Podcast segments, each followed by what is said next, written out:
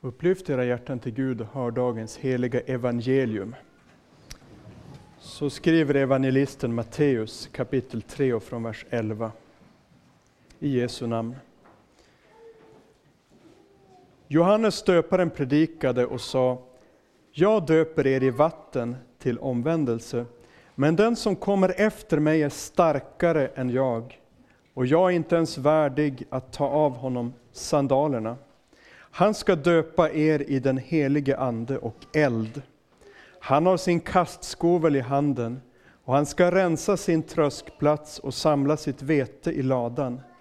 Men agnarna ska han bränna upp i en eld som aldrig slocknar. Så lyder det heliga evangeliet. Lovad vare du, Kristus. Nåd vare med er och frid från Gud vår Far och från Herren Jesus Kristus. Låt oss be. Herre evige Gud, tack för att vi får samlas kring ditt ord och vi ber att din heliga Ande skulle öppna ditt ord för oss till frälsning, tröst och evigt liv. Hör oss när vi ber i Jesu namn. Amen. Johannes döparen förkunnade i öknen utanför Israel och sa Omvänd er, himmelriket är nära. Det var om honom det sades genom profeten Jesaja en röst ropar i öknen, bana väg för Herren, gör stigarna raka för honom. Johannes döparen hade kläder av kamelhår och ett läderbälte runt midjan, och hans mat var gräshoppor och vildhonung. Folket i Jerusalem och hela Judeen och hela Jordanområdet kom ut till Johannes, och de bekände sina synder och döptes av honom i floden Jordan. Men när Johannes såg att många fariseer och saduceer kom till platsen där han döpte, sa han till dem, Huggormsyngel, vem har visat er att ni ska fly den kommande vredesdomen? Bär då sån frukt som hör till omvändelsen, och tro inte att ni kan säga inom er, vi har Abraham till far. För jag säger er att Gud kan väcka upp barnet Abraham av dessa stenar. Yxan är redan satt till roten på träden, träden. Varje träd som inte bär god frukt huggs bort och kastas i elden. Jag döper er i vatten till omvändelse, men den som kommer efter mig är starkare än jag, och jag är inte ens värd att ta av honom sandalerna. Han ska döpa er i den helige Ande och eld. Han har sin kastskovel i handen och han ska rensa sin tröskplats och samla sitt vete i ladan. Men agnarna ska han bränna upp i en eld som aldrig slocknar. Sen kom Jesus från Galileen till Johannes vid Jordan för att döpas av honom. Men Johannes försökte hindra Jesus och sa, jag behöver döpas av dig, och så kommer du till mig. Jesus svarade, låt det nu ske, det är så vi ska uppfylla all rättfärdighet. Då lät han det ske. När Jesus hade blivit döpt steg han genast upp ur vattnet. Då öppnades himlen och han såg Guds ande sänka sig ner som en duva och komma över honom. Och en röst från himlen sa, han är min älskade son, i honom har jag min glädje. Amen. På den tiden som Mose var ute i öknen med israeliterna så hade Mose det väldigt jobbigt.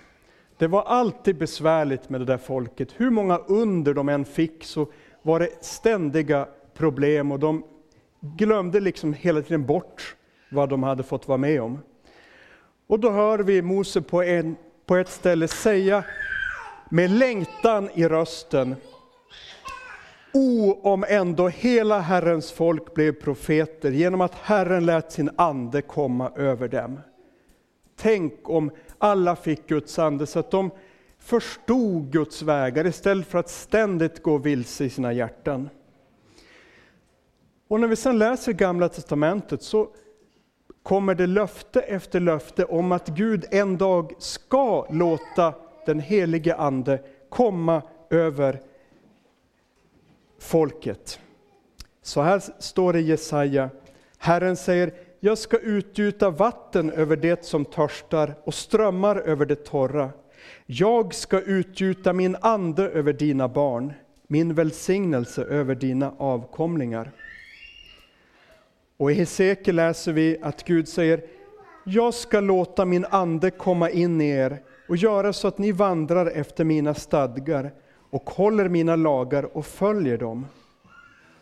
Och Joel, i Joels bok hör vi liknande. Det ska ske att jag utgjuter min ande över alla, allt kött, alla människor. Era söner och döttrar ska profetera och så vidare. Och så går århundradena och så står Johannes där en dag vid Jordanfloden och predikar att nu kommer det en och han är så mycket starkare än jag att jag inte ens är värd att ta av honom hans sandaler. Han ska döpa er i den helige ande och eld. Nu ska vi bara notera en liten sak innan vi går vidare. I Gamla Testamentet, vem stod det skulle utgjuta den helige Ande?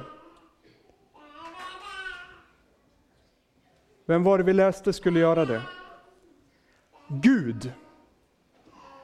Men nu står det ju här att Jesus ska göra det. Vad betyder det? Vad säger det om Jesus? Jo, det säger att Jesus är Gud. Och det här vet vi alla och därför tycker vi att varför säger, nämner du det där, det, det, det är ju självklart.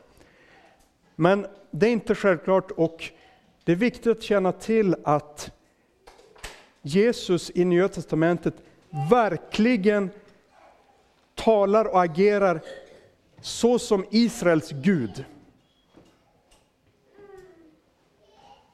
Han är Herren och ändå är det inte tre gudar, det är inte Fadern en Gud, Son, utan det finns en enda Gud och ändå är både Fadern och Sonen Gud. Många saker i Gamla Testamentet som sägs om Gud säger Nya Testamentet om Jesus. Varför det? Jo, för att vi ska förstå att den som kom till Israel, det var verkligen Gud. Nu säger Johannes stöparen efter sin kraftiga och skakande predikan att själv döper han bara med vatten, men snart kommer han som ska döpa i helig ande och eld. Vad menas med att han ska döpa i eld? Vad menas med att Jesus ska döpa i eld?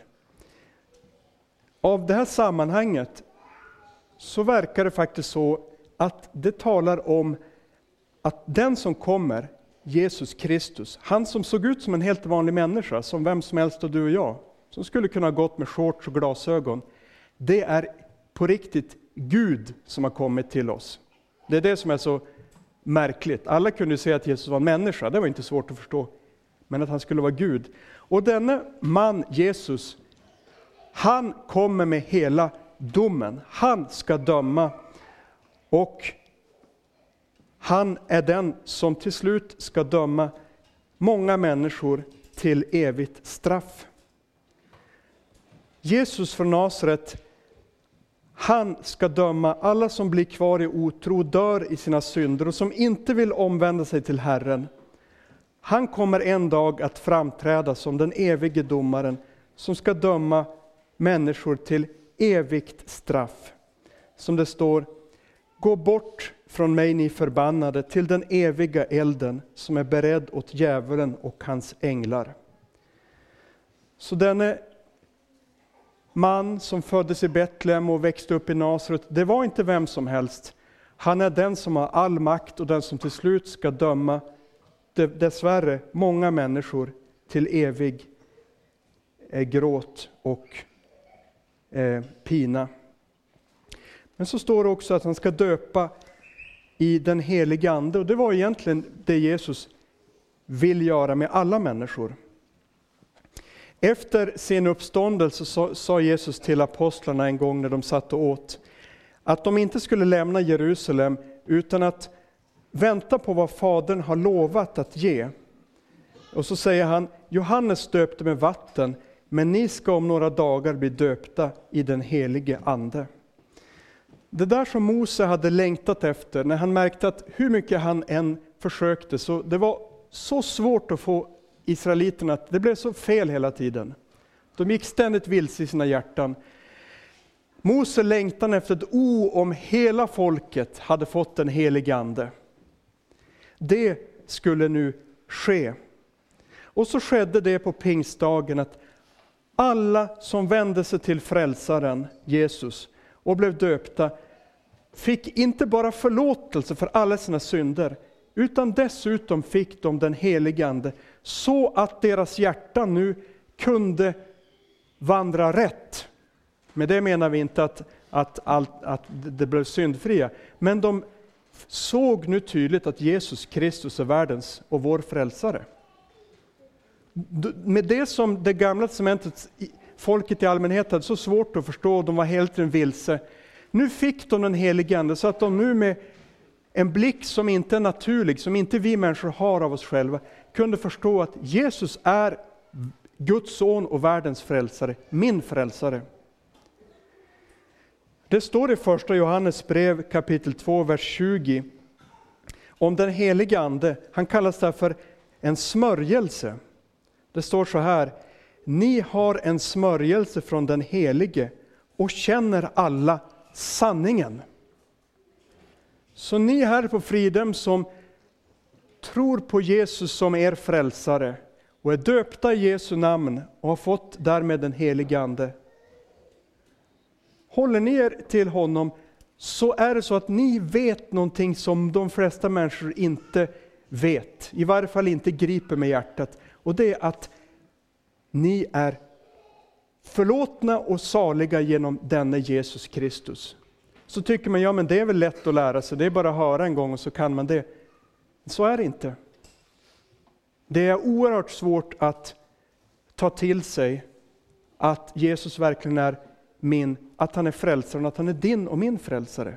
Och att vi genom honom är helt saliga. Det är en övernaturlig kunskap som Gud ger genom den helige Ande. Och det är också någonting som vi brottas med, för vårt kött går hela tiden emot det och det gör att det är svårt att gripa och hålla fast vid det. Men ni har fått en smörjelse, den helige Ande som gör att ni känner sanningen. Och det är därför vi också samlas här. Eh, för att ni vill höra sanningen om frälsaren. Det har alltså inte kommit genom egen förmåga, utan det är en Guds gåva som ni har fått i dopet. Att vi överhuvudtaget, vi syndare, kan vara en, att, att Gud kan bo i oss, som har hjärtan som, som ändå är syndiga och köttet är kvar och allting. Det beror på att Gud har sonat alla, alla dina synder. Och att han har bestängt dig genom dopet med, så att du är ren i Guds ögon. Och därför kan Gud göra dig till sitt tempel och, och bo där. Det är ju egentligen inte möjligt. Varför skulle Gud vill inte bo, kan inte bo i det som är syndigt och orent. Men han kan ändå bo hos dig därför att du är bestänkt genom Jesu blod med, eh, så att du är ren i Guds ögon. Och det får du hålla fast vid, barnsligt hålla fast vid, hur det än känns i ditt inre och hur du än kanske vaknar på morgonen och känner att nej, jag är så, det är bara si och så, usch. Ja. Nej, du får hålla fast vid vad Gud har sagt. Du är bestänkt med Jesu blod i dopet. Du är ren i Guds ögon och därför kan Guds ande bo i dig. Både leda dig i ordet men också överhuvudtaget ha gemenskap med dig. Allt bottnar i att Jesus blev, eller Guds son blev människa, blev döpt, gjord till vår synd, att han bar den, att han dömdes i ditt ställe, att han, som Bibeln ibland kan uttrycka det, att han blev döpt i Guds vredes lågor när han dog på korset. Och att han uppväcktes för vår rättfärdiggörelses skull. Och därför har vi fått ett dop som är starkt och som renar från all synd och ger oss gemenskap med Gud, ger oss den helige Ande. Och det är alltså inte, dopet är alltså inte en liten sak. Ta fram lilla katekesen och titta efter, hur många huvudstycken finns där? Inte många. Men av de få huvudstycken som finns där så är dopet ett av dem. Det betyder alltså att Luther uppfattar dopet som en av de fem eller sex viktigaste sakerna i hela den kristna tron.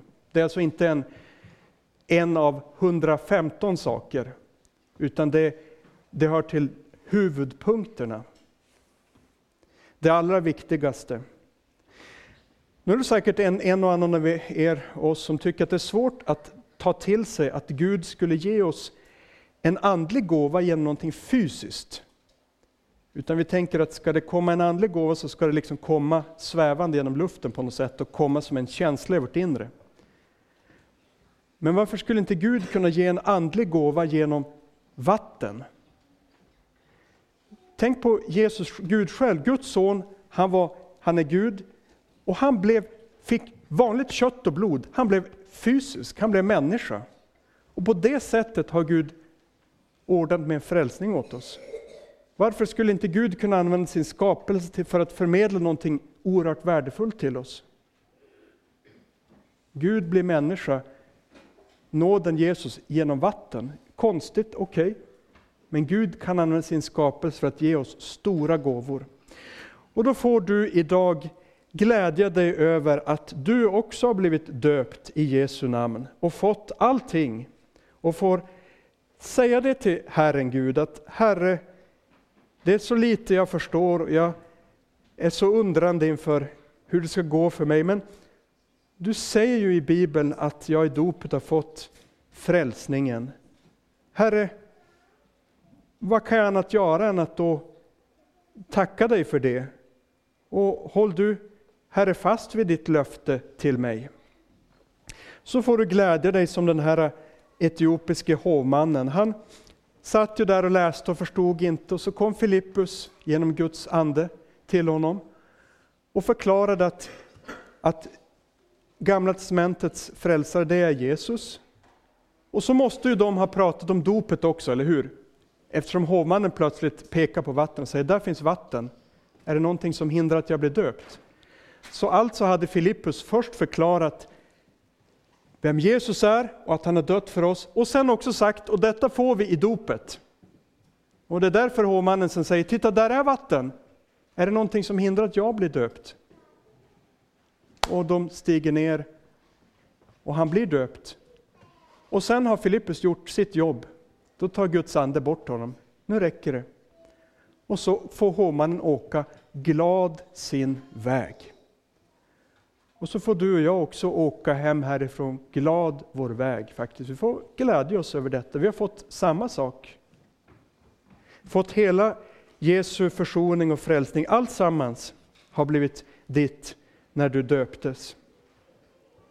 Och så säger du kanske, ja men om jag har fallit i en grov synd och lämnat Herren sedan jag blev döpt, hur är det då? Det var det så här på Luthers tid, att på, med, på medeltiden i den romersk-katolska kyrkan så tänkte man sig så här att dopet, det är bra, men det funkar liksom bara en gång. Du blir döpt och då blir du förlåten de synderna. Men om du sen faller i en grov synd igen, då måste du få förlåtelse på något annat sätt. Så dopet är så att säga en engångsförpackning som gäller en gång, sen är det klart och så måste du ha en, en annat sätt. Eh, Luther pekade på att var står det så i Bibeln? Och tvärtom sa han att dopet är någonting som man får återvända till. För Gud har inte tagit bort sina löften, utan du får gå tillbaka till samma frälsare, samma försoning som gavs i dopet och säga Herre, du har en gång döpt mig, får jag komma tillbaka? Och svaret är ja. På samma grund som du en gång blev döpt. Eh, så att vi får helt enkelt vända tillbaka hela livet till samma frälsning som Gud har gett oss. Så här skriver Luther i Stora katekesen. Om någon faller från dopet så må han återkomma dit. För liksom Kristus nådastolen inte överger oss eller hindrar oss att på nytt komma till honom, även om vi syndat. På samma sätt förblir också alla hans skatter och gåvor sig hela tiden lika. Så som vi nu en gång i dopet har fått syndernas förlåtelse, så förblir denna förlåtelse dagligen hos oss, så länge vi lever och dras med den gamla människorna som är vårt synd. Och detta får vi också hålla fast vid i vår sista stund här på jorden, när vi ska dö. Man känner att ja, det är väl ändå lite för skakigt att bara ha blivit döpt i Jesu namn. Kan det hålla när jag ska möta domaren? Men det är, vad skulle vi annars hålla fast vid? Så här sjunger vi en sång. När min blick, mitt hjärta brista, vill jag säga i det sista. Jag är döpt i Jesu namn. Fader, ta mig i din famn. Så ska vi nu sluta, men innan dess ska jag bara läsa ett, ett stycke om dopet av Karl Olof Rosenius. Han skriver det bör trösta en troende mot alla hans vardagliga skröpligheter, synder och förseelser, ja, i all nöd och anfäktelse, att han kan besinna sig och komma ihåg, du är ändå döpt, och inte till dig själv och din egen rättfärdighet, utan döpt till Kristus och hans rättfärdighet. Ska du bestå för Gud i din egen rättfärdighet, så borde du inte ha blivit döpt till Kristus. För ni som blivit döpta till Kristus har iklätt er Kristus. Hjälp Gud att vi en gång måtte märka denna omständighet. Ni har iklätt er Kristus. Se det hela hemligheten av vår obegripliga renhet och välbehaglighet för Guds ögon. Vi är iklädda Kristus. Vi står inte längre inför Guds ögon i oss själva, utan i hans son. På samma sätt stod Kristus på försoningsdagen inför sin far, inte i sin egen person med sitt eget anseende, utan han stod i våra personer såsom den enda syndaren för alla syndare, bärande på sig hela världens synder. Han var iklädd världen. Nu blir vi i dopet iklädda Kristus och betraktas inför Gud inte efter vad vi själva är, utan efter vad Kristus är. Vi står inför Gud i Kristi kläder, i Kristi person, i Kristi rättfärdighet och anseende. Detta heter här att vara iklädda Kristus. Allt som Kristus för oss var, gjorde och hade, det har i dopet blivit överflyttat på oss, skänkt åt oss. För Kristus hade efter sin nådefulla behag, sitt nådefulla behag genom sina ord om dopet i det lagt ner hela saligheten som han förvärvade åt oss. Av det kommer att alla som blivit döpta till Kristus blir på en gång iklädda allt detta som hör till att vara frälst, nämligen hela Kristus och all hans förtjänst. Så att vad Kristus var och är för oss, det är så alldeles vårt, som om vi själva i våra personer vore det. Och vad Kristus gjort i vårt ställe är så alldeles vårt, som om vi själva gjort det. För vi är iklädda Kristus. Kristus, eh, Kristi id eh, rättfärdighet, därför är vi också Kristus är idel rättfärdighet och renhet, därför också vi idel rättfärdighet och renhet. I oss själva? Nej, endast i honom. För den som inte visste av synd har han gjort för oss till synd, för att vi skulle bli Guds rättfärdighet i honom. Gud hjälp oss att mer och mer förstå dopets tröst, att vi i all svaghet, skröplighet och nöd lär oss att säga, jag är ju inte döpt till mig själv, jag är ju döpt till Kristus. Jag ska ändå aldrig bestå i min egen rättfärdighet, utan bara i Kristi. Jag är ju iklädd Kristus. Bort sorg, bort misströstan. Kristus har inte syndat. Och genom sån tröst får vi återhämta mod, lust och kraft att leva med honom och dö med honom. Amen. Ära vare Fadern och Sonen och den helige Ande, så som det var av begynnelsen, nu är och skall vara, från evighet till evighet. Amen.